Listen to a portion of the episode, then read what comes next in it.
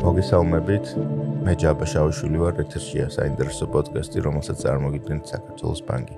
ძალიან საინტერესო სტუმრით და იდეით და თემით დაგიბრუნდით. ჩვენი სტუმარია დღეს ლევან გიორგაძე, თბილისი Free Walking Tours დამაარსებელი და ვისაუბრებთ აა ქართულ სტუმარ მასწავლებლობის სფეროზე, ზოგადად გიდობაზე, იმ საინტერესო თემებზე, რაც ჩვენს ქვეყანაში განსაკუთრებით ალბათ კონცენტრირდებით თბილისზე აინტერესებს ტურისტებს. ლევან გამარჯობა. გამარჯობა ჯაბა. დიდი მადლობა რომ მომიწვიეს საინტერესო პოდკასტში საინტერესო თემაზე სასაუბროთ პრინციპში ეს თემა აა საქართველოსთვის ახლა ძალიან მნიშვნელოვანი იქიდან გამომდინარე რომ ტურიზმი იზრდება მით უმეტეს პანდემიის მერე. ასე რომ მზათვარ გიპასუხო კითხვებზე და რაღაც გესაუბრო საინტერესო თემებზე. მადლობა ლევან, სანამ კონკრეტულად free walking tour-ზე კიდობაზე, სტუმარ მასშტაბაზე გადავიდოდეთ, ჩემთვის საინტერესო იქნება და შენი პროფესიული ბექგრაუნდის მიმოხილვა, იმიტომ რომ სანამ აი ამ სფერომდე მოხვიდოდი რამდენიმე წლის წინ, ძალიან ძელი გზა გამოიარე. იმიტომ რომ დაბადებით კიდე არ ყოფილ ხარ სავარაუდოდ. არა. რაც რაც მე ვიცი და საინტერესო იქნებოდა აა გვეთქვა და მსმენელისთვის აა მოგვეთქრო შენი ისტორია, საიდან დაიწყე და როგორ მიხვედი აი ამ მიმდინარეობამდე. აა მე და შენ არაერთხელ გვისაუბრია და მეც მათ შორის spotlight-ზეც ზუსტად ის თემა იყო, თუმცა იქ ა პოდკასტიდან განსხვავებით 13 თუ 15 წუთი მქონდა მაგისთვის სასაუბროდ. აგვეცდები ცოტა ვრცლად რაღაცები გითხრა, არ ვიცი რამდენადაც მოგცევ საშუალებას. აა ქრონომეტრაჟი. აა მოკლედ ყველაფერი დაიწყო იმითი, რომ თეატრალურში ჩავაბარე ჟურნალისტიკაზე, თუმცა მე ავიღე ეგრეთ წოდებული აკადემიური. აა რო დაუბრუნდი, დაუცილებლად დაუბრუნდი უკვე საზოგადოებასთან ურთიერთობაზე. შესაბამისად კიდობა ძალიან შორს არ არის. მაგისგან ზუსტად ის პროფესია რასაც ქვია საზოგადოებასთან ოღონდ საერთაშორისო დონეზე ურთიერთობა. დავამთავრე საზოგადოებასთან ურთიერთობა და მე ისე აღმოჩნდა რომ ამასობაში ჩემი ჰობი არის უკვე სტუდენტობიდან მოყოლებული ფოტოგრაფია ძალიან მიყვარს დღემდე. და ისე აღმოჩნდა რომ ერთ-ერთ ჯაზ ფესტივალზე ამოვყავი თავი ჩემი ფოტოაპარატით აა გადავიღე ფოტოები, მე რა თქმა უნდა გავაზიარე სხვადასხვა სოციალურ ქსელში. აა ნახეს ეს ფოტოები და ისე მოხდა რომ ინტერესი გაჩნდა რომ აა მე გადამეღო შემდეგი ფესტივალებიც, ანუ უკვე ამ შემთხვევაში Eastern Promotion-ი ჩაერია, ჩაერთო და შემოთავაზეს რომ გავხტარიყავი მათი ფოტოგრაფია, ესე რომ ვთქვათ.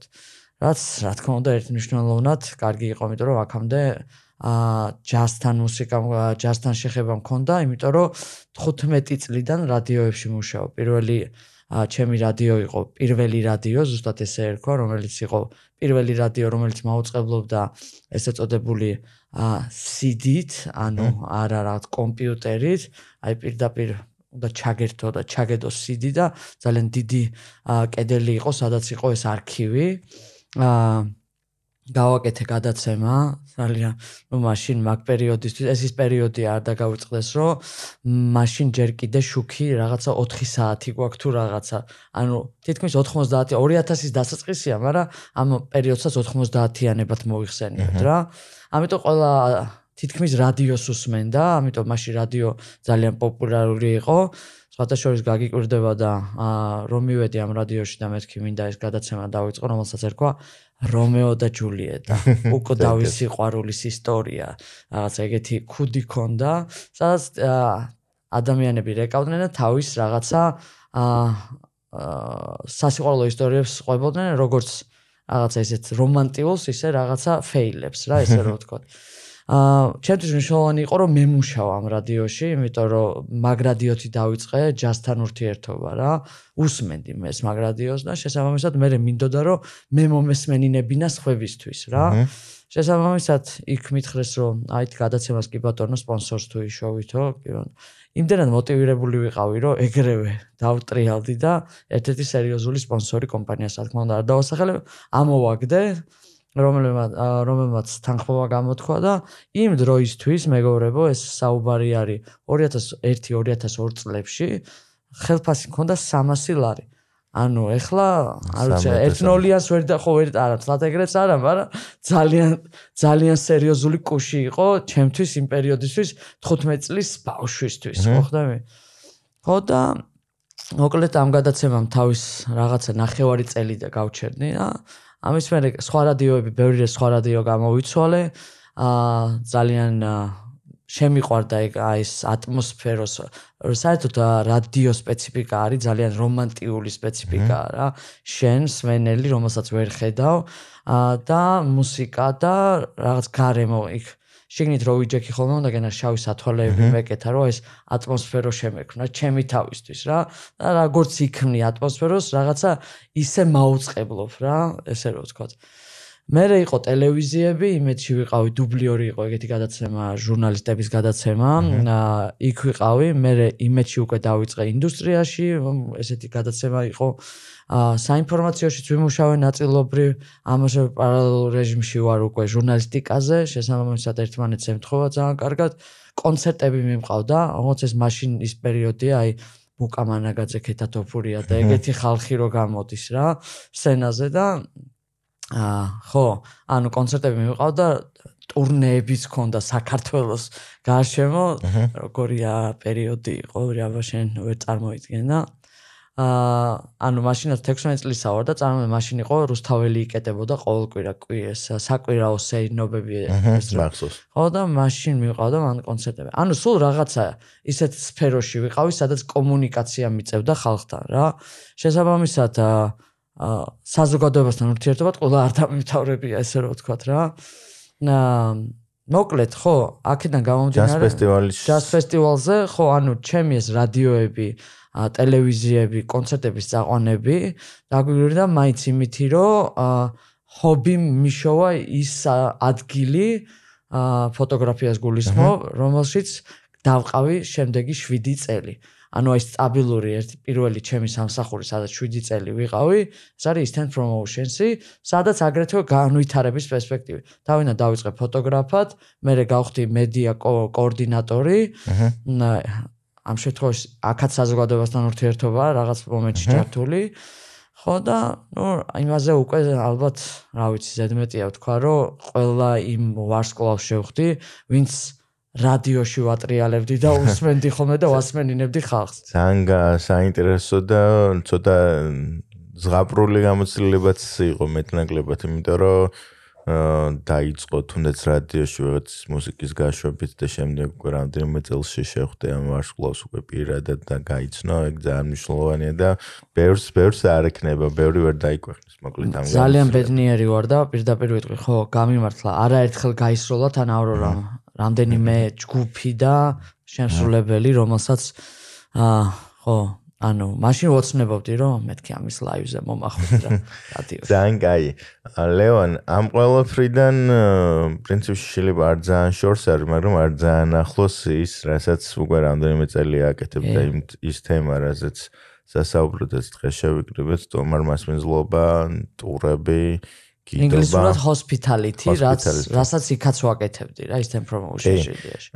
მაგრამ მაინც საქმე ეხება კონკრეტულ ქალაქს, მის ისტორიას, მის ისტორიულ უბნებს, ამ უბნებში შემონახულ ამბებს, აი ამ ქალაქთან რა გაგავშირებს, აი გრო გითხრა და ამ ქალაქის იმ უბნებთან თუნდაც რომელსაც აგერ უკვე რამდენიმე წელია ყოველკვირეულად შემოივლი ხოლმე. 8 წელი კონკრეტულად.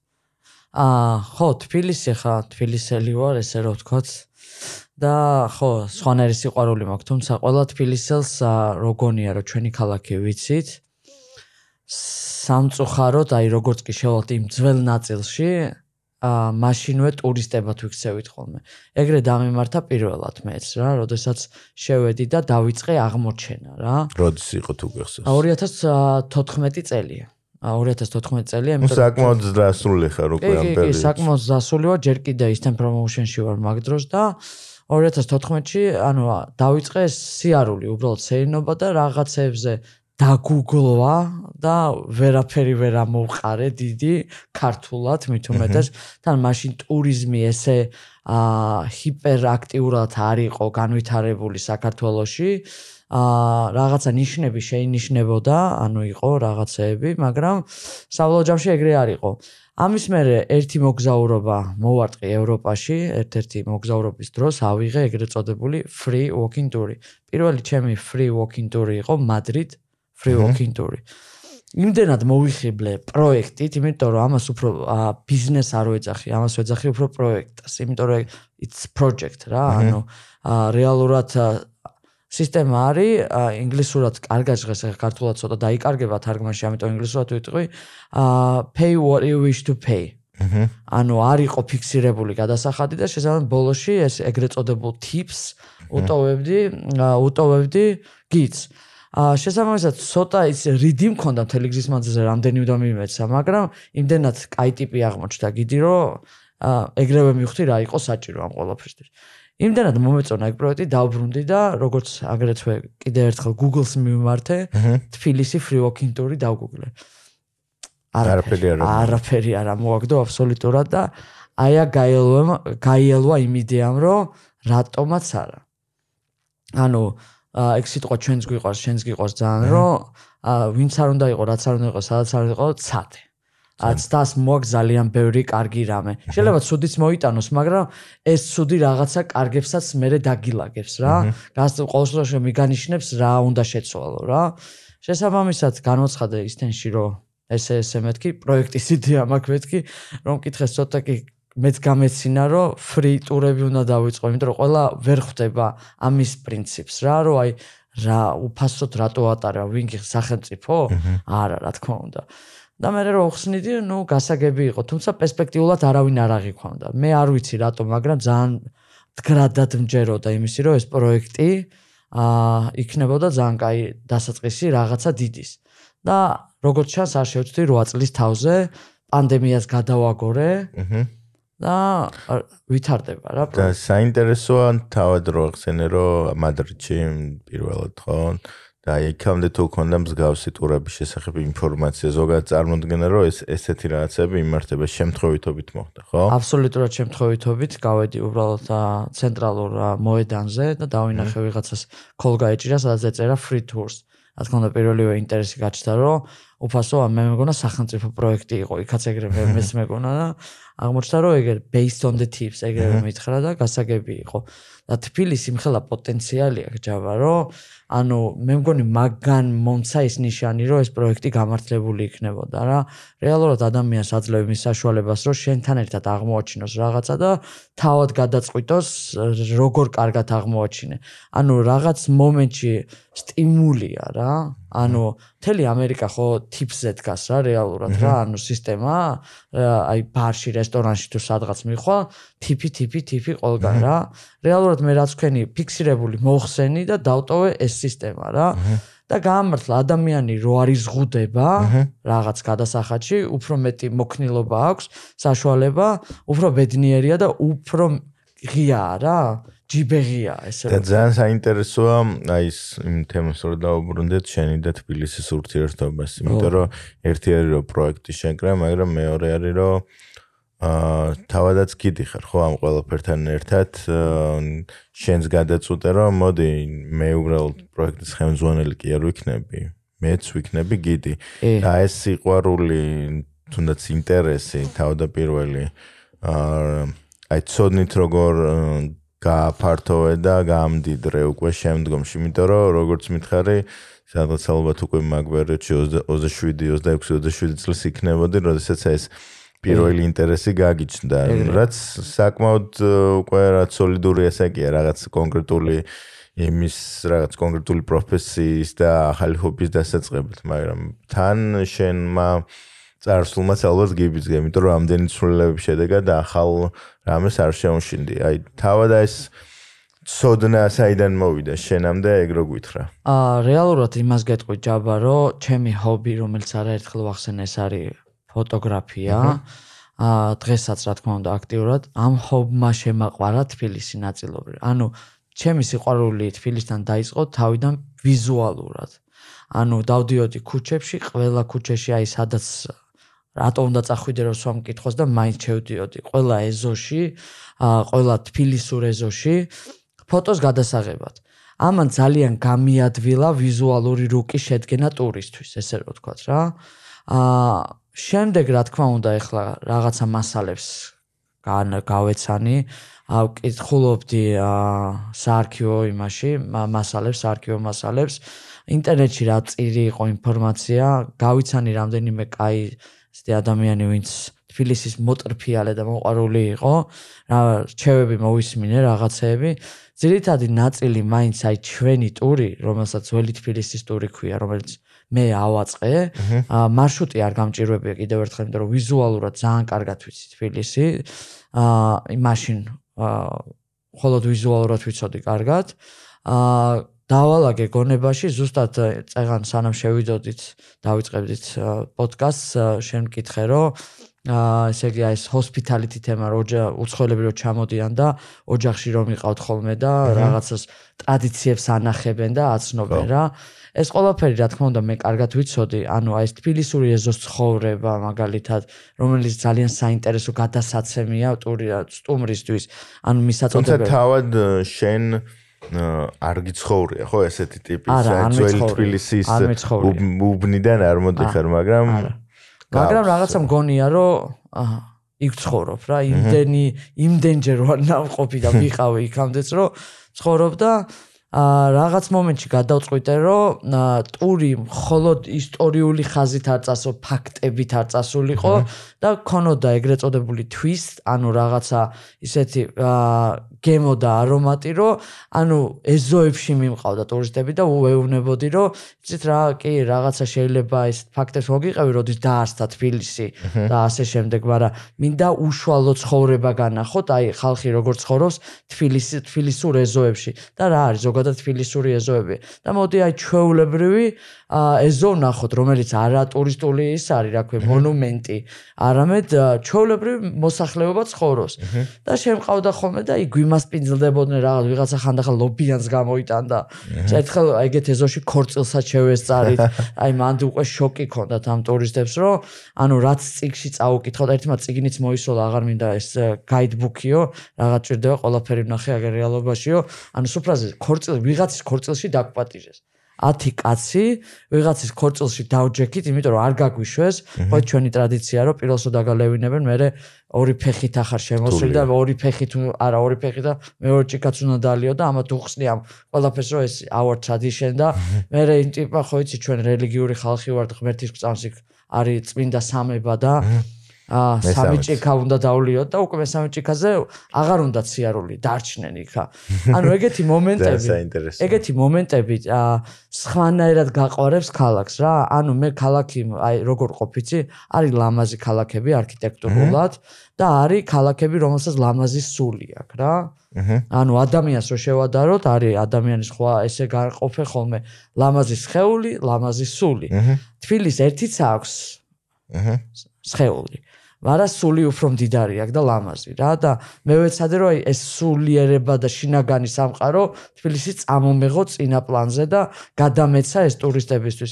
რამაც იმიტომ რომ ყოველას ნანახი აქვს არტნუო ყოველას ნანახი აქვს ბაროკო, როკოკო და გოთიკური სტილები არქიტექტურით ვერ გააოცებ რა.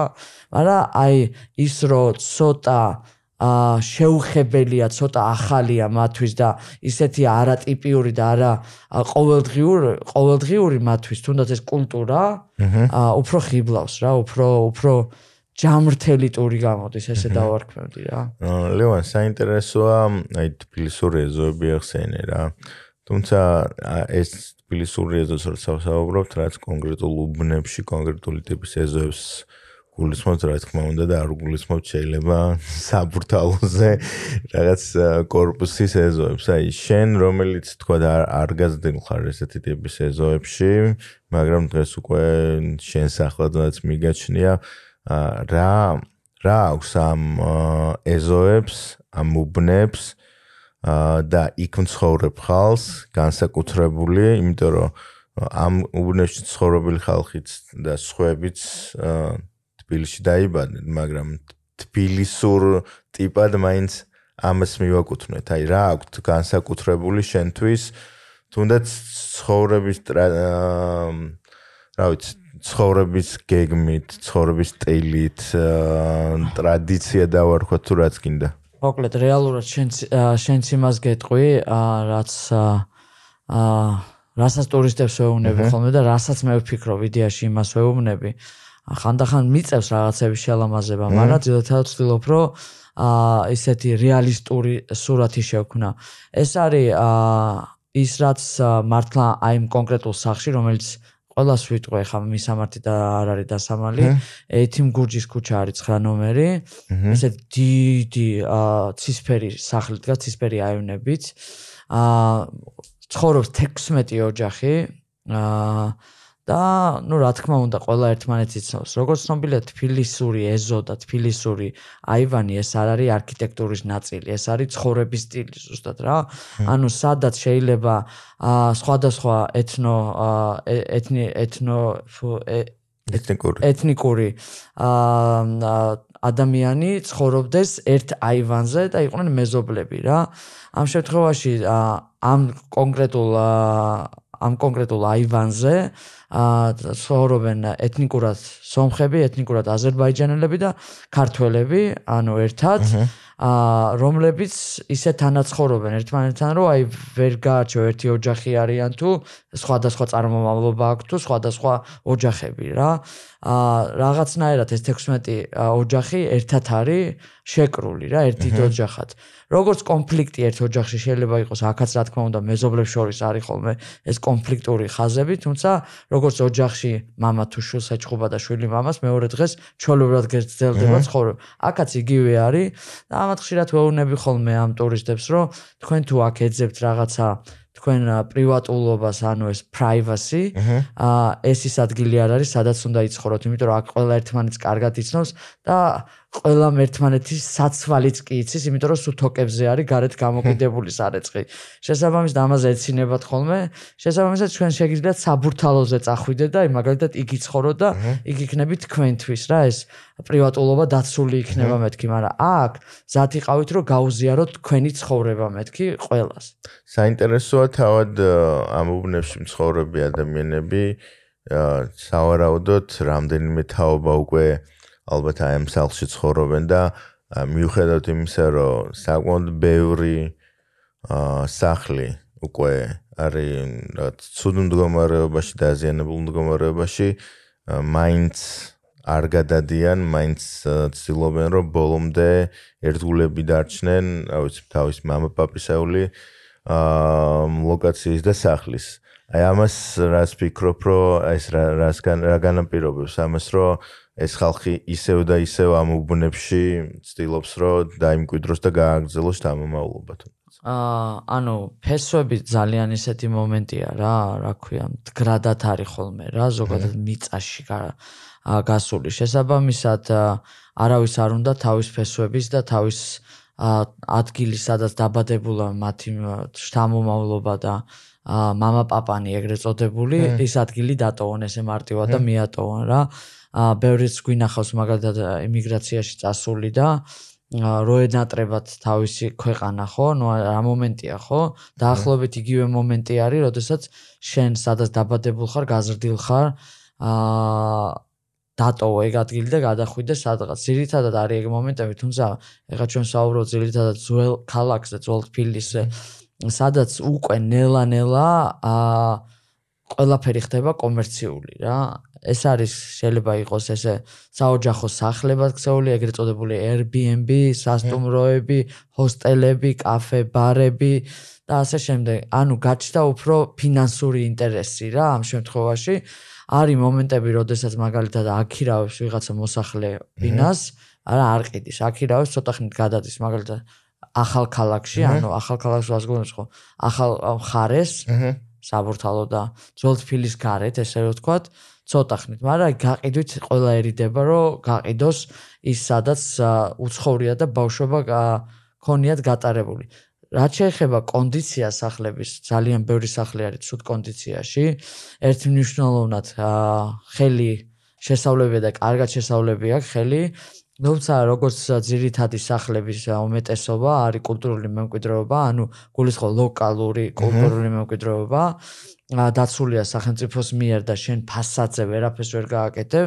თუმცა ხანდახან არის ხოლმე მაგის თვალსაჩინო მაგალითები, როდესაც თვალს ხუჭავენ ხოლმე და რაღაცები ხდება ისე, როგორც არ უნდა ხდებოდეს. აქედან გამომდინარე, ყველა ელოდება სახელმწიფო როდის დაიწყებს ამის კეთებას და ზირთად სახელმწიფო უწყებები ელოდებიან არჩევნებს. როდის იქნება რომ არჩევნების წინ ეს პროექტი, აი ჩვენ ახლა ამას სიმას ვიზამთ და ზირთად ეს ხალხი მეც რა თქმა უნდა გული მტკივე ამიტომ გამლელი ვარ და გარედან ესეთი ვიზუალი და წარმოვიდგენი აქ ცხოვრობდე და შიგნით ანუ სუიმიშიში იყო რომ ვაიმე სადღაც რაღაც წყალი არ ჩამოვიდეს ან არ ჩაინგრეს ან რაღაცა ძალიან რთულია რა. ეგ კითხები ხშირად აწუხებთ ხოლმე ტურისტებს და მაქსიმალურად ვცდილობ რომ უთხრა რომ არის ეგეთი პროექტი ახალი სიცოცხლე ძოლ ქალაქს რა. არის მართლა ეგეთი პროექტი 2012-დან დაიწყო და გრძელდება მაგრამ ამას დრო ჭირდება. ჩვენი ბიუჯეტი ქვეყნის ბიუჯეტი იმდენიც არ არის რომ ერთ გაწოდეს თელ ქალაქს რა ესე რო ვთქვა. ლევან ისი რა მაინტერესებს ხშირად ვიყენებთ რაც ერთ განზოგადებულ ფრაზას ძველი თბილისი და ძველი თბილისი ხშირად ვერ წარმო გაუგებარიც არის ხშირად რომ რა უბნებს მოიცავს ეს უბნები ცალკე რამ დაახლოებით რამდენ ქუჩას მოიცავს, იმიტომ რომ ხშირად ჩემთვისაც როცა გამივლია, მ ყოველთვის ახალი ქუჩა, ყოველთვის ახალი შესახვევი აღმომიჩენია ხოლმე ამ მიმართულებით და ალბათ მართლა თბილისელებისთვისაც რომლებიც აქ დაიბადნენ, უბრალოდ ყოველდღიური რუტინის გამო ალბათ ვერ ახერხებენ რომ შეისწავლონ ეს ქალაქი ისე როგორც საჭიროა. შენ როგორც ამის უკვე ექსპერტს ალბათ ამ მიმართულებაში შეგვიძლია დაგვიზუსტო კონკრეტულად რა უბნებზე ვსაუბროთ? ანუ სოლოლაკი ალბათ პირველი. არა, სოლოლაკი არ არის, ძველი თბილისი. აი მაგაში ან თელე ეგ არის გარეთუბანი ესე ეწოდებოდა ძველად რა, ეგრე ეგეთი უბნის სახელწოდო გარეთუბანი. ანუ ხ სოლოლაკი ხო ქვია წინაზე ყო გარეთუბანი. აა ლოგიკური დასახელებაც არის, იმიტომ რომ ძველი თბილისის გარეთ, კედლებს გარეთ იყო რა. აა ანუ ყველა ქალაქს ხოლმე აა გარშემო არტყა ეს კედელი რომელიც იცავდა ძირითადად ტრების შემოსევისგან რა. ეხლა ზოგადად ესე რომ ჩაუყვე, ისე აი მაქსიმალურად ვეცდები ვერბალურად გავაკეთო ვიზუალიზაცია ამისი. ანუ თავისუფლების მოედანი ყველა მიცის, თავისუფლების მოედნიდან იწყება ზუსტად ძველი თბილისი. ანუ იწყება რა ამის შემდეგ არის ძველი თბილისი, თავისუფლების მოედნის შემდეგ. აა პუშკინის ქუჩა ან კოტე აფხაზის ქუჩა, დადიანის ქუჩა აგრეთვე. ა დადიანის ქუჩა გადადის უკვე ასათიანის ქუჩისკენ, თუმცა დავიწყოთ, მოდი აი ვიზუალურად რო წარმოიდგინოთ პუშკინის ქუჩით. პუშკინის ქუჩით ჩადიხარ ბარათაშვილზე. ბარათაშვილის ხიდს არ გადახვალ, ჩახვალ სანაპიროზე, გაუყვებით სანაპიროზე აბანოებამდე. აბანოებიდან აი ნარიყალაზე რო ახვიდე, ქართლის დედაზე გადახვიდე, ცოტათი. და ქართლის დედის აი სადღაც 100 მეტრაში უკვე თაწმინდის თაწმინდისკენ ანუ 100 მეტრა რო გაიარო და ჩამოხვიდე სოლოლაკისკენ. და აი პირდაპირ თაწმინდიდან ჩამოჭრა თავისუფლების მოედანზე აი მთაზე რო გადმოხვიდე. აი ეგ არის ძველი თბილისი. ანუ რეალურად მანდარის ქუჩა დადიანის ქუჩა ქვია რომელიც გამოდის აკრებულოს და აა და ეს დადიანის ქუჩა კვეთს უერთდება ასათიანის ქუჩას. ამ ასათიანთან არის ძალიან ცნობილი სკოლა, მე-6 გერმანული სკოლა არის, ხალხს ეწოდინება, ესე წოდება ჰარი პოტერის სკოლასაც ეძახიან. აი, იქ იყო კედლის ზღვარი გადიოდა იქ, გალავნის. ანუ გალავანი, რომელიც ქალაქს იცავდა. ამის ქვევით არის ძველი თბილისი, ამის ზევით არის სოლოლაკი. გარეთუბანი წოდებული. საინტერესოა. ანუ სხვა სახელი წოდებულია ზემოკალა ქვემოკალა. ანუ ძველ თბილისში ესე იყოფოდა ორ ნაწილად ზემოკალა ქვემოკალა. აი თუნდაც დასახელებას როცა ვახსენებ ძველ თბილისი რა პერიოდზე საუბრობთ ხოლმე? მე-19 საუკუნემდე.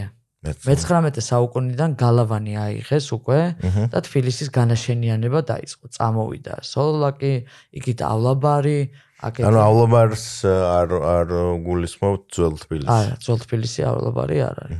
ანუ კორისიკითა სანაპირო მერე დაემატა უკვე ანუ ძველ თბილის მერე დაიწყო განაშენიანება. ისევე როგორც ესე ვთქვათ მარჯანიშვილი და პლეხანოვის აა ეს უმთელი უბანი ესეც არ მოიაზრება. ჩუღურეთი. ჩუღურეთი. ჩუღურეთი არის ნოე ტიფლისი გერმანელების მიერ და და აა დასახლება, ანუ კოლონისტები იყვნენ ეს განაჩ ჩამოსახლდნენ აქა და რეალურად ახალი უბანი შექმნეს, რომელსაც ნოე ტიფლის ქვია დღესაც ანუ ახალი თბილისი, ქართულად რო გადავთარგმნოთ, იმიტომ რომ ძველი უკვე ანუ თბილისი არსებობდა უკვე. მაშინ არ ეძახდნენ ძველ თბილისს, მაშინ ეძახდნენ თბილისს ამას. მერე დავარქვი ძველი თბილისი. სხვაობნები რო გაჩნდა უკვე ის უკვე ყველაზე ძველი ნაწილი იყო თბილისის. შესაბამისად დაერქვა ძველი თბილისი. თუმცა კიდევ ერთხელ ვამბობ, ხო ეს საზღვრები, რა თქმა უნდა, შემოსაზღვრული იყო გალავნით, ანუ გალავნის შიგნით რაც არის, ამას ქვია ძველი თბილისი. ეხლა რა მარშრუტიც მოუყევი, დაახლოებით გალავანი ამ ხაზზე გადიოდა, ვიღაცა თუ გაუყვება ამ მარშრუტს, გალავნის ნაწილებს აუცილებლად დაინახავს, რომელიც დღესაც არის შემორჩენილი ამ გარშემო. და ხო, სოლაკი მთაწმინდა უბნები ვერა ვაკე, მოდის უკვე მერე. აა ეს უბნები ალბაბარი მათ შორის და ასე შემდეგ და ასე შემდეგ. აა თბილისი ანუ არა დასახლებები აქ იყო. ანუ სახლები იდგა მაგრამ ესე როგორც აი უბნად არ იყო არც ალაბარი არც ზოლაკი. ზოლაკი ა განაშენიანება დაიწყო მე-19 საუკუნეში. როდესაც ესე იგი ჩვენი აბრეშუმის გზა ძალიან აქტიურ ფაზაში შევიდა და დიდარმა ხალხმა ძირითადად სომხებმა იქ იყვნენ გერმანელებიც, ქართველებიც იყვნენ ეს მეცენატები, ეგრეთ წოდებული და ვაჭრები, რომელსაც დაიწყეს სერიოზული სახლების აშენება, არქიტექტურული ნიმუშები. ყველაზე საინტერესო რაც არის ჯამა, მინდა აუცილებლად გავა מחვილო ყურადღება თბილისში, აი ძველ თბილისში. რომ შედიხარ ლაბირინთია ჩვეულებრივი რა, დაიკარგები დიდი ალბათობით. აბსოლუტურად. მაგრამ სოლოლაკი, აი სოლოლაკი, აა როგორ არის, იცი? ამერიკაში თუ ნიუ-იორკში ნამყოფიყავთ ერთხელ ეს იცით ავენიუები რო ქუჩებს კვეთავს. აი ზუსტად ესეა, ყველა ქუჩა ერთმანეთის პარალელურია და ერთმანეთს კვეთს. ანუ დაპროექტებულია урბანულად ძალიან სწორად. ეგ მინდა ვთქვა, რომ урბანული განაშენიანება მე-19 საუკუნეში ძალიან სწორად დაიგეგმა. მერე აირია, რა თქმა უნდა, გზაკვალი, მაგრამ მე-19 საუკუნეში და დალაგებული იყო რა. საინტერესოა. მოდი მინდა რომ ტურებს დაუბრუნდეთ ისევ. აა free walking tours პრინციპში დასაწყისში ახსენე რომ აა უფასო არის, თუმცა თავის მხრივ მაინც არის შემოსავლის წყარო. აი ეს თავიდან როდესაც ეს იდეა დაგება და გადმოტანის ესე ვთქვათ ის რაც კეთდებოდა რაც ნახე შენ აა ესპანეთში ამ შემთხვევაში აა კონდა თუ არა თუნდაც აი შიშიან რისკის განცდა ის რომ თავისთავად სიტყვა free შეიძლება რომ ადამიანებს დამაბნეველი ყოფილიყო და აი თუნდაც ის შენი შრომა რასაც აქ ჩადებდი შეიძლება დღის ბოლოს როდესაც ტური დასრულებული იქნებოდა აა ვერ გეშოვნა მოკლედ ფინანსურად ის აა სტაბილურობა რაც გათვლილი ქონდა იმიტომ რომ ამ პერიოდში როგორც მახსოვს უკვე სამსახურით მიატოვე, წამოხვედი და მთლიანად გადმოეცდე ტურებზე. აი აქ როგორი განცდებით იყავით უკახსოვს? აა, რა თქმა უნდა, ახლა რო გითხრა ისეთი გულხონ მოკრეფილი და დაკრეფილი ვიჯექი და ყველაფერი კარგად იქნება, ცოტა რთულია მაგის თქმა, თუმცა აა როგორც ცხოვრებაში ზოგადად ეგეთი პრინციპულად ეგეთი ადამიანი ვარ, არასდროს უკან არ ვიხევ და აა რაღაცა ერთხელ თუ არ გამოვა, მეორჯერ ვცდი. ამიტომაც და ძალიან მნიშვნელოვანი ამბავია. აა შესაბამისად პირველ ტურზე არ დამოვიწყდება დაუთექი ეგრეთ წოდებულ შეხვედრის წერტილზე, meeting point-ზე. აა freeze ყოველთვის ქვევით აღწერაში, როგორც flyer-ებში ეგრეთ წოდებულში. აა საიტზეც იყო მითითებული, რომ based on the tips და ახსნილი იყო, ანუ გაშლილი იყო. ანუ კიდევ ერთხელ ახალი ველოსიპედი არ მომიგონებია, აა გავიზიარე ეს მადრიდის გამოცდილება ფრიტურის რომ ნახე როგორ ეგეწერა საიტზე. პრინციპში მე ნახე რომ არსებობს სხვადასხვა ქალაქებში და ამიტომ ახალი ველოსიპედი უბრალოდ კულტურულად მოვაგე მოვარგე ჩვენ ქალაქს რა. ხო და პირველ ტურზე მყავდა 4 კაცი. იქ იყო საინფორმაციო ცენტრი, ჩვენ meeting point-ზე ტურისტი ტურისტული საინფორმაციო ცენტრი და უთხარი რომ ვინმე თუ იკითხავს, აი 6 საათზე აქ ვიდგები მეთქი რა. მოვიდა 4 გერმანელი და წავიყვან და ესე გეტყვი რომ ინგლისური ცხოვრებაში არ მისწავლია. სკოლაშიც მაშინ რო სწავლობდი 90-იანებში, ვის აინტერესებდა შენი რუსული გაძლიერებულად. შესაძლოა უნივერსიტეტში რო ჩავაბარე, იქაც აი მაშინაც ისეთი იყო, ინგლისურზე გვეზარებოდა, რეალურად ბიჭებს ჯობდა წასულიყავი სანმე რაღაცა გვეჭამა და გველია. ამბავი იყო. შესაძლოა მოვწდი რა, როგორც აი 90-იანების ყველა ბავშვმა რაღაც დაკარგა დრო რო ინგლისური ესწავლა და სხვა რაღაც საკეთებდნენ ამის მაგირად. ვინც მისმენთ ინგლისური ისწავლეთ. ხო და აა ჩემ ინგლისური იყო, ანუ ცოტა მეტი ვიდრე I'm table რა, I'm table. ჯერ კიდევ ამ ამ ამ პერიოდში. კი, ამ პერიოდში, მაგრამ ა ჩემი ტიპაჟიდან გამომდინარე ეგეთი ტიპი ვარ რომ ძალიან ისეთი ვარ კომუნიკაბელური რა თუნდაც ინგლისი ანუ ენა არ მესმის აი ძალიან აქტიურად ვეკონტაქტებოდი. ხაჭაპურზე დავპატიჟე ერთ-ერთ საცხობში შევედით ფენოვანი ხაჭაპური ვაჭამე. ა შუჩხელა უყიდე მე ერთ მეღვინესთან შევიყვანე ღვინოს დასალევად რაღაც ან გავასინჯე ღვინო. ანუ hospitality-ს full package სრული პაკეტი შევთავაზე ეგრე რომ ვთქვა რა. ა და ნუ რა თქმა უნდა, გორგასალის ისტორია უკვე ნასწავლი მქონდა, იმიტომ რომ ეგ იძებნება ყველგან და შეგიძლია აა ინგლისურათაც იმას რა დაამოღამო. და მოკლედ ეს ლეგენდა კარგად მოყევი და ბოლოს რა თქმა უნდა ფიდბექს ცდილობდი რომ გამეკო ფიდბექი. აა სხვათა შორის ძალიან დიდი გავლენა იმოქმონია მაგათმა ფიდბექმა, იმიტომ რომ როგორც იქ ამოხსენი მაშინდელი ინგლისურის გაგებით, კვაყოფილები დარჩნენ რა. მითხეს რომ ჯიგრები, დიდი მადლობა, გემრიელი ხაჭაპური იყო, ჩურცხელა იყო, ტურიც კარგი იყო, იქვე მიაყოლეს. აა მაგან რაღაც ცოტა აი ეს გამიკეთა რა, ფუშ რა, რომ გააგრძელე რა. მე დავიწყე უკვე ინგლისურის ანუ დამოღამებას ესეთი ცოტა უხეში ნათქვამია, რამდენიმე მეგობარი მყავდა ამერიკელი, რომელიც აქ ჩამოვიდა საცხოვრებლად. ყოველდღე ვცდილობდი მე კონტაქტა რა. რეალურად ინგლისური ვისწავლე, ამას ვეძახი street english რა. ქუჩის ინგლისური, აი ქუჩაში ნასწავლი ინგლისურია რა. ა კომუნიკაციაში და ნელა-ნელა ტურებთან ერთად ინგლისურიც იხვეწებოდა რა. მე ამას დაემატა მოგზაურობით ა მოგზაურობ საკმაოდ ბევრს.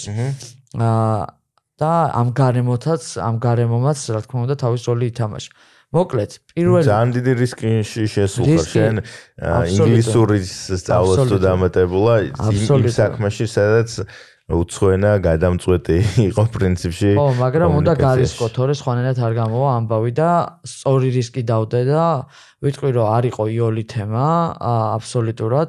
თუმცა დღეს ვიტყვი რომ ესე აგურ-აგურ რაღაცა დიდი კაი სახლი გამოვიდა რა, რომელიც ეხლა უკვე ერთ-ერთი ფრი წამყვანი ფრიტურებია და სოფლიოს მასშტაბითაც, ანუ თბილისი ფრიოკინტური ისეთია რა.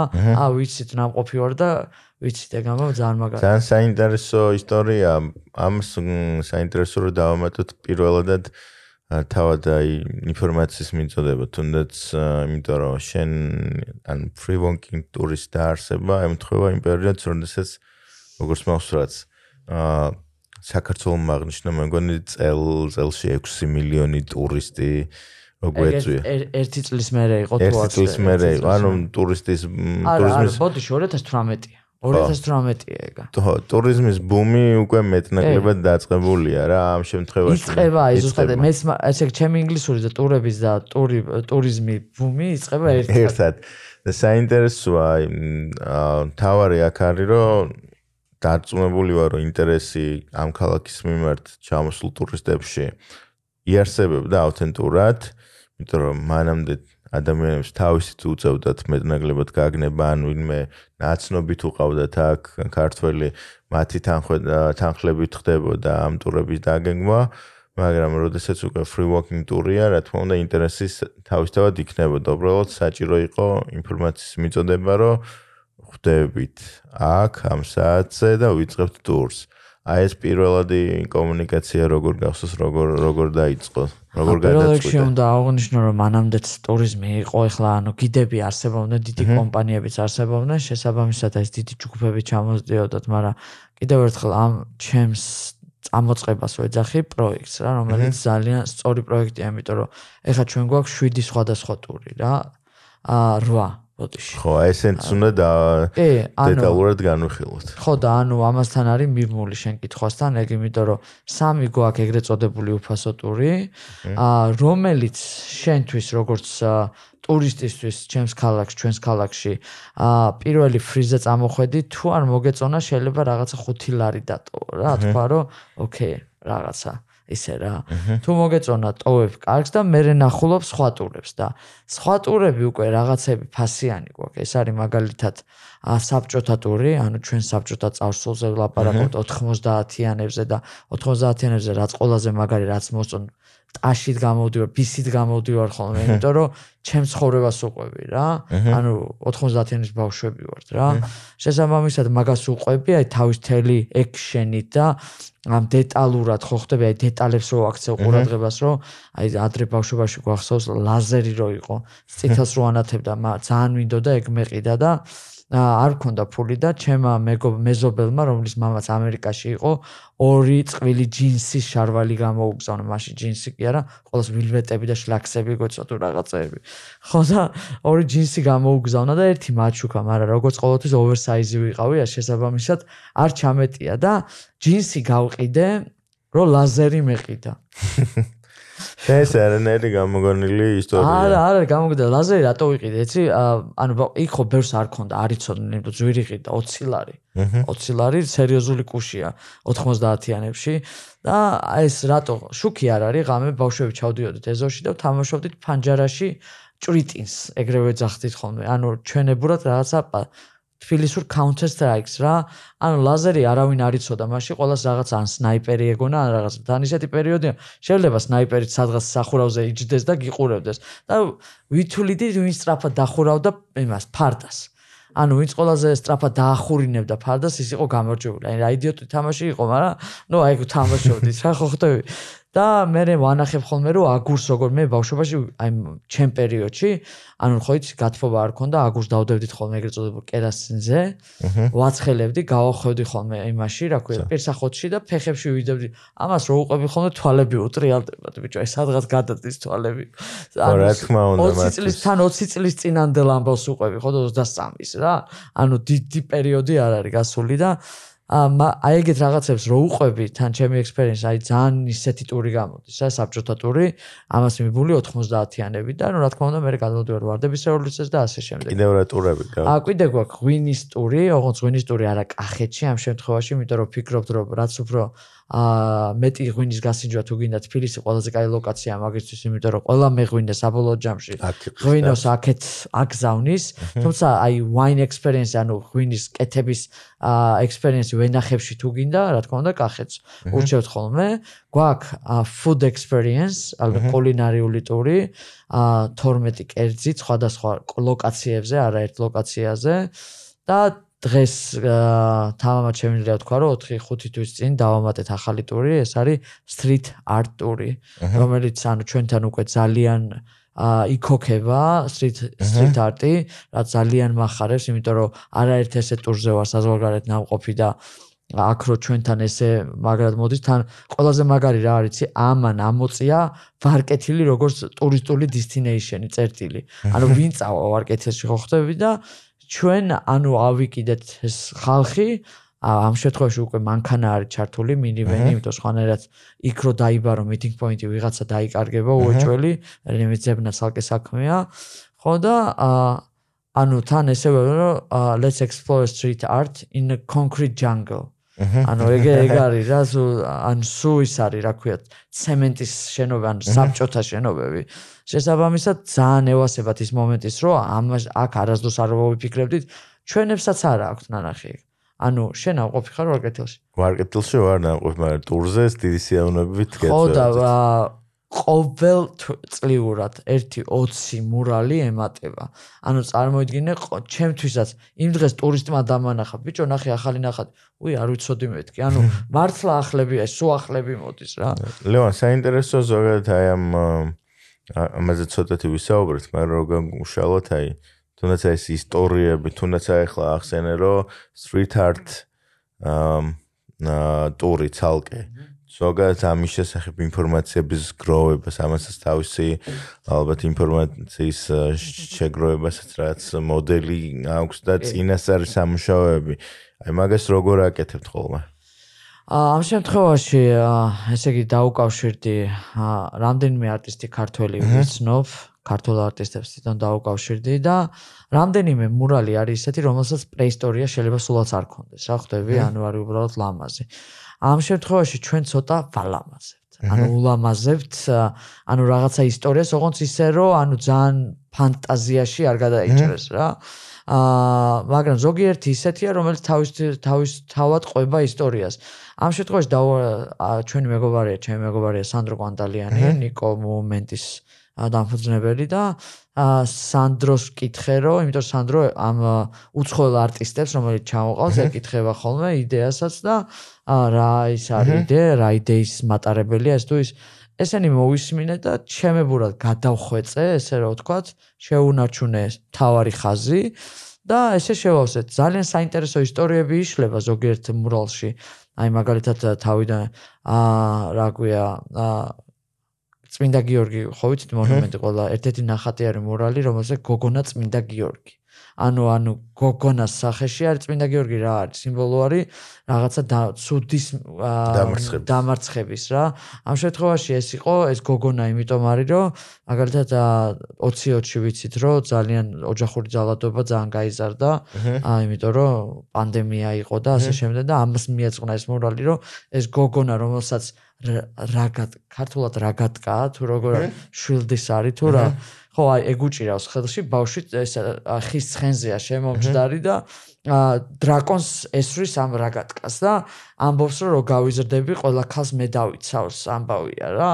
ეს ახალი მორალებია თუ ძველ ძველ ან ძველად გაკეთებულები 20-20 სისტემა არის ამ ამ თლიანად აი ამ ტურში რაც ხდება ეს მორალებიც არის რა მაგალითად რაც 20 წლის წინ გააკეთებული არა 20 წლის არა ეგეთი უფრო ახლები. ახლები არის. ანუ ჩვენთან ეს მოძრაობა სიტად მოძრაობა ძირითადად დაიწყო 2000 7-8 წლის წინ რა. ანუ ჩვენ სოტურები დავიწყოთ ეგ მოძრაობაც აქტიურ. ეხლა ძალიან აქტიურ ფაზაში გადავიდა და შესაბამისად ყველა ისტორია, ესა ყველა ადგილი მეტნაკლებად ახალია.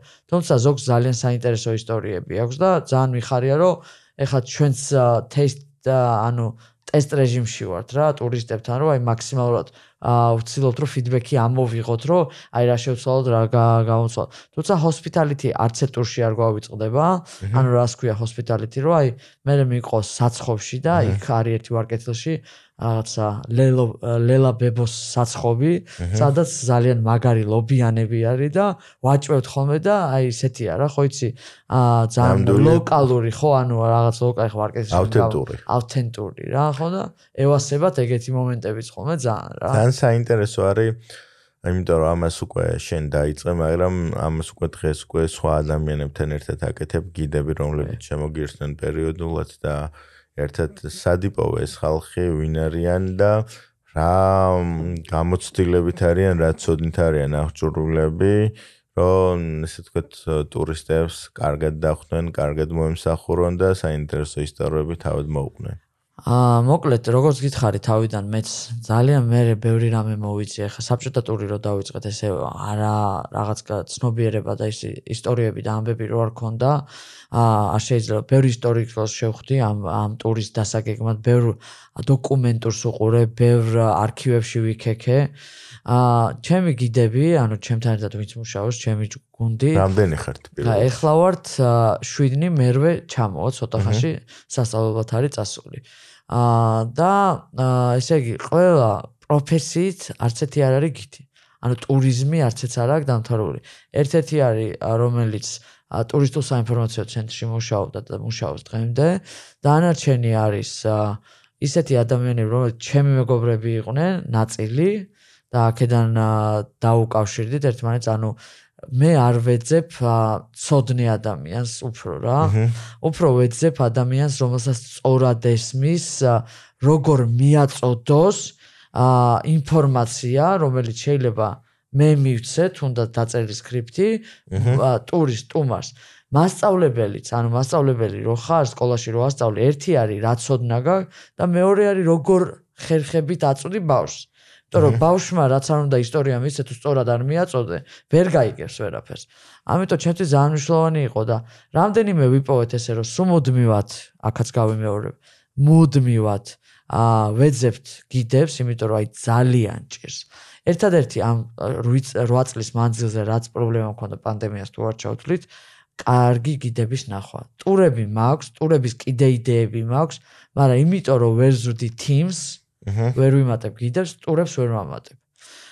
ტურა თან ცოდნა ახსენე რომ ცოდნაც ესე გადამწყვეტი კი არ არის არამედ უბრალოდ კომუნიკაბელურობა, ქარიზმა აა და ნუ ინგლისური რა თქმა უნდა, ცოდნა თუნდა მანდაც თუ არა და შეგიძლიათ რომ ისწავლოთ. აუცილებლად, აუცილებლად ისწავლეთ, თან ჩვენ რაღაცა პრაქტიკის სამ თვემდე გვაქვს ხოლმე დადის ტურზე, უსმენს გიც და შესაბამისად სწავლობს თემატიკასაც, კარგად სწავლობს.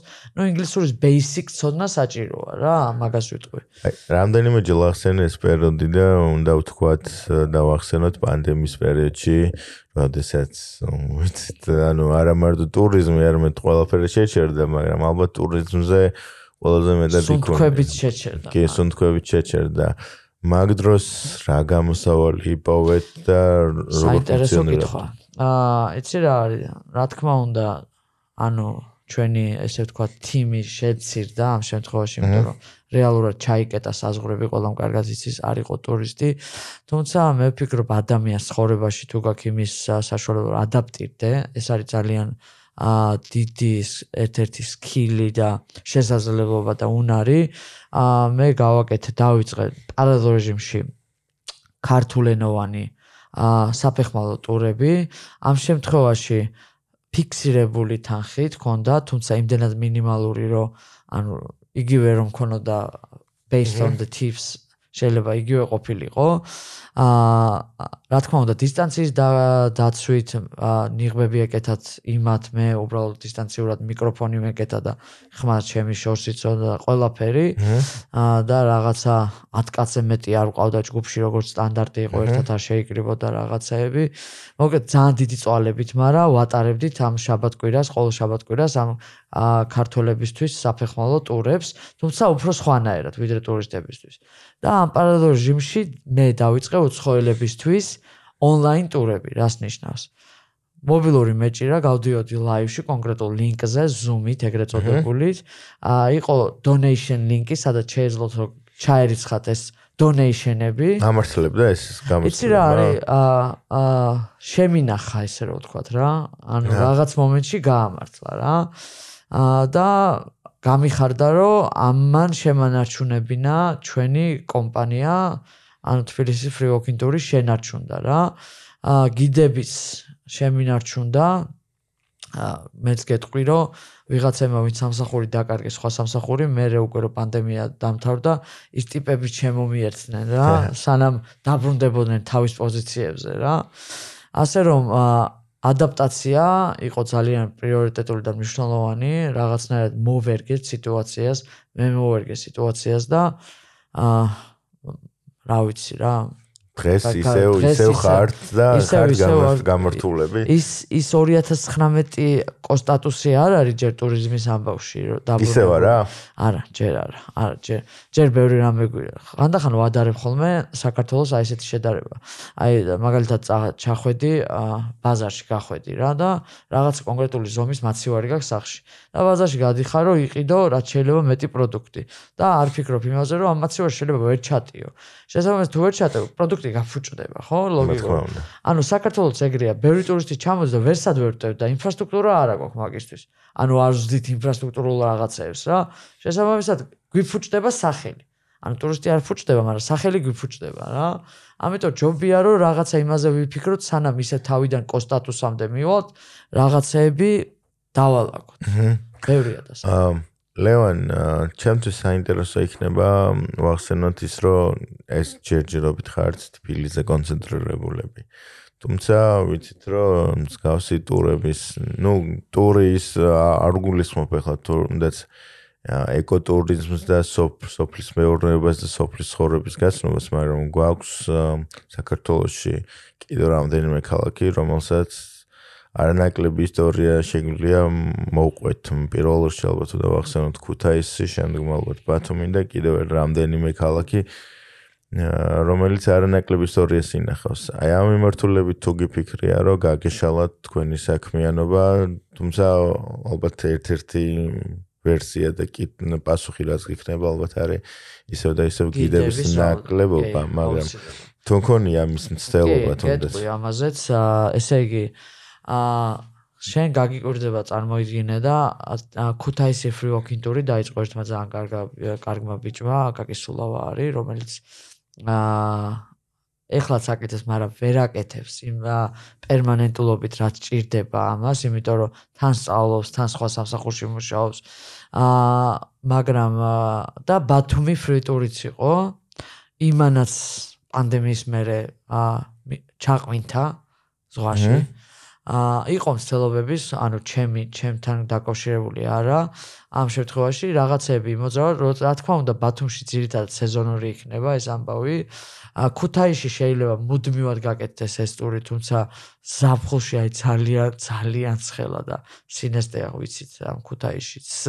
ბევრი და დიდი და შეიძლება რთული იყოს, მაგრამ ამ ცელობა იყო. ანუ თან მით უმეტეს მეორე საერთაშორისო აეროპორტი გვაქვს ქუთაისში.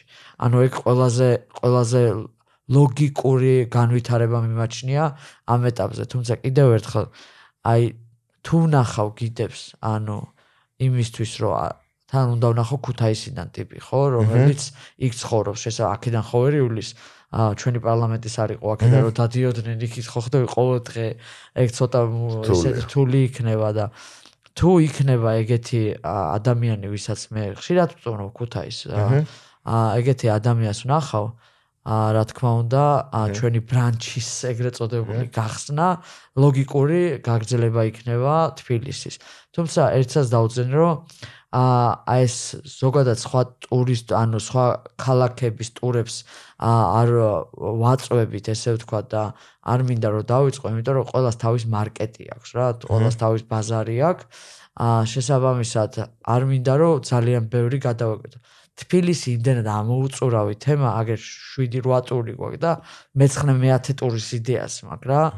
მინდა ერთი და ორი მაინც გავაკეთო კალაგარეთ ტური, მაგრამ ეს უფრო იქნება სათავგადასავლო და არა ყაზბეგში ჩავედით, გერგეთი ვნახეთ და ჩამოვედით. ანანურზე გზაზეც ვნახეთ. ეგეთი ტიპიური ტურები არც თბილისში გამიკეთებია, რომელიც აი ეს ნებისმიერ ჩემი ტური აიღე, არასტანდარტულია, ესე დავარქვევ და იქაც არ გავაკეთებ სტანდარტულებს ტურს.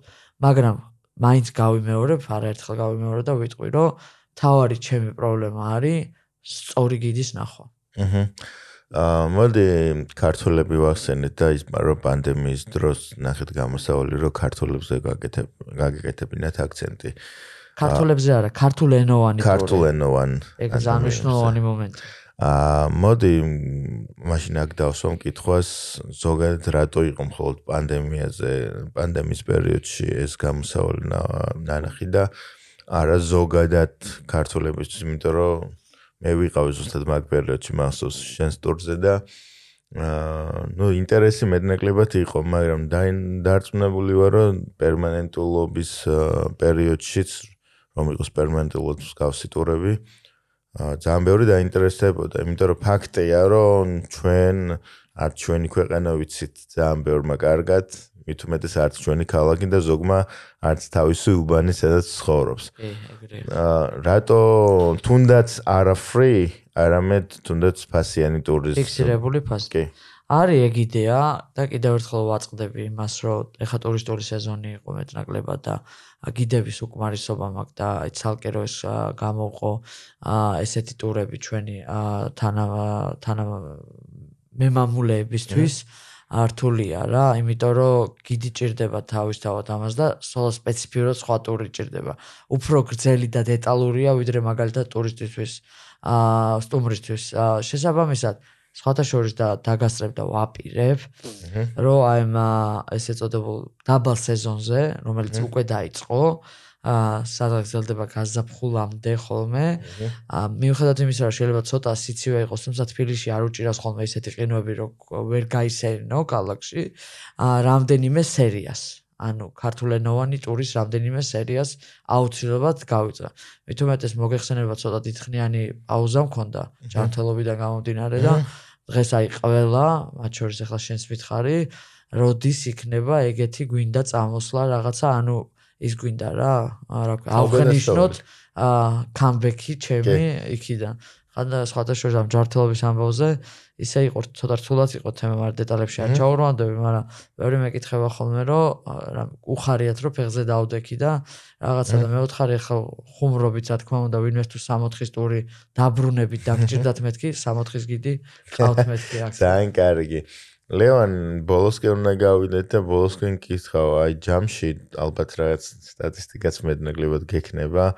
რამდენი ადამიანი ყავდა ამ მთელი პერიოდის განმავლობაში და მეორე კითხვა აქვე თუ ბრუნდებიან ხოლმე ანუ მეორე ჯილ თუ გიბრუნდება ვინმე ტურისტი ტურებზე და კიდევ ერთი კითხვაც აქვე ზოგადად როგორ არის გადანაწილება ეროვნულობის რომელი ქვეყნიდან უფრო ხშირად გეწევიან ხოლმე. აა რაღაც სტატისტიკა მაქვს, ცოტა უხეში, მაგრამ რაღაცის მომცველი და მომცემი. აა სტატისტიკურად ამ 8 წლის მანძილზე სადღაც შემიძლია თამამა თქვა, რომ 300-400 300 400-მდე ესე ვთქვათ, ადამიანს უმასპინძლეთ. პირადად ჩვენ კომპანია. აა აქედან 400-1000-ს თუ არა შეიძლება ნახევარს აუხსენი და უთხარით, რომ აა სტიკერები რუსეთი ოკუპანტია ტყილა არ არის. ანუ მართლა ოკუპანტია, იმიტომ რომ 20 23% ოკუპირებული აქვს, რაც უკირთხელ მეგონიათ, რომ სუ იმაში ვართ, რომ უკრაინას უჭერთ უბრალოდ ხარს და ჩვენ არაფერ შუაში ვართ. ამას უხსნი, რომ ჯერ ჩვენ ვიყავით შუაში და თავში და მე მოხდა განვითარება და სამწუხარო განვითარება ამამის. ანუ ხო, 300.000-მდე თუ არა, სადღაც 200.000-მდე ადამიანს ეგ უთხარით. აა სტატისტიკურად ვიტყვი რომ გერმანელები, პოლონელები, ну რუსებს არ მოდიან, იმიტომ რუსული ტურები არ აქვს. მხოლოდ აი თითო ოროლა ჩვენთან, იმიტომ ვისაც ინგლისური ესმის. ეგეთი ვისაც ინგლისური ესმის, ცოტა სხვა მსოფლმხედველობა აქვს და მსოფლმხედველობა აქვს და სხვანაირად აზროვნებენ რა. აა აქედან გამომდინარე, მაგათი სტატისტიკა მე არ მაქვს, თუმცა ქვეყანაში იგრძნობა მაგათი სტატისტიკა და ამაზე ჩემი კომენტარი ზედმეტი იქნება. ესე იგი გერმანელები, პოლონელები და სხვათა შორის ისრაელიდან ყოს ძალიან ბევრი სტუმარი. ეხლა სამწუხაროდ რეგიონში განვითარებული მათ რეგიონში განვითარებული მონოლების გამო ძალიან იკლო. მინდა აგრეთვე ვთქვა, რომ ამერიკულმა ბაზარმა იმატა. რა ძალიან გვახარებს რა. ანუ ამერიკელების ჩამოსვლა გვახარებს. ჯერჯერობით რაც მინდა რომ მომავალში ვისურვო ტურიზმის საქართველოს ტურიზმისთვის ეს არის უფრო უნარ გადამხდელიანი აა უფრო მაღალ გადამხდელიანი ტურისტი. ამ ეტაპზე ჩვენ უფრო ბიუჯეტური ქვეყანა ვართ, შესაბამისად, კიდევ ინფრასტრუქტურაში ბევრი რამე გვაკლია. აა ჩვენთან ჩამოდიან დაბალი და საშუალო ბიუჯეტის მქონე ტურისტები. რაც არც თუ ცუდია, რა თქმა უნდა, არაფერს არ ვამბობ, მაგრამ ვისურვებდი, რომ ისეთი ხალხია, ვისაც თავის სამი яхта ყავს და რვა ვილა აქვს და რაღაცა საქართველოში ა შვეიცარიაში კი არ ხარჯობს თაში ფულები ჩვენთანაც ნახოს რომ უფრო იაფი შესაძლებლობა მაგრამ არ განსხვავდება ჩვენი პეიზაჟი იმ პეიზაჟისგან რაც აბსოლუტურად სიმართლეა არ ვამეტებ ეგრეა შვეიცარ გუშინ წინ ყავდა შვეიცარელები და კახეთშიც იმოგზაურეთ ყაზბეგშიც იყვნენ და შოკში იყვნენ აა რა მაგარია, აქ რო შეგვიძლია იმ ხელფასით რაც იგვაქვს, მათ მაგის გაკეთებაო რა. მეთქი ხო და იგივე ბუნება მოეწონა ძალიან და ძალიან შოქში იყვნენ ღვინით ყველაფრი და ანუ მაგას ვეუბნები რომ ჩვენ ცოტა ცოტა არა მეტად იაფი შვეიცარია ვართ მეთქი რა ჯერჯერობით ხო. არა ბევრი პოტენციალი გაქვს ძალიან ბევრი უნდა გამოიყენო და უკვე დაიწყეს ფიქრი რა აშენონ აქა რა ინვესტიცია გააკეთონ და ასე შემდეგ კარგია, ეგ მომენტი კარგია, מחარ კიდევ თავიდან დავიწყეს თავში გითხარი, რომ საქართველოს რო პერსპექტივა აქვს და შესაძლებლობები აქვს, ალბათ ბარე ორი ქვეყანა შეიძლება ვერ დაიკვეხნოს და აი მინდა რომ ეს პოტენციალი რაც გვაქვს ჩვენ ქვეყანას მაქსიმალურად გამოვიყენოთ რა.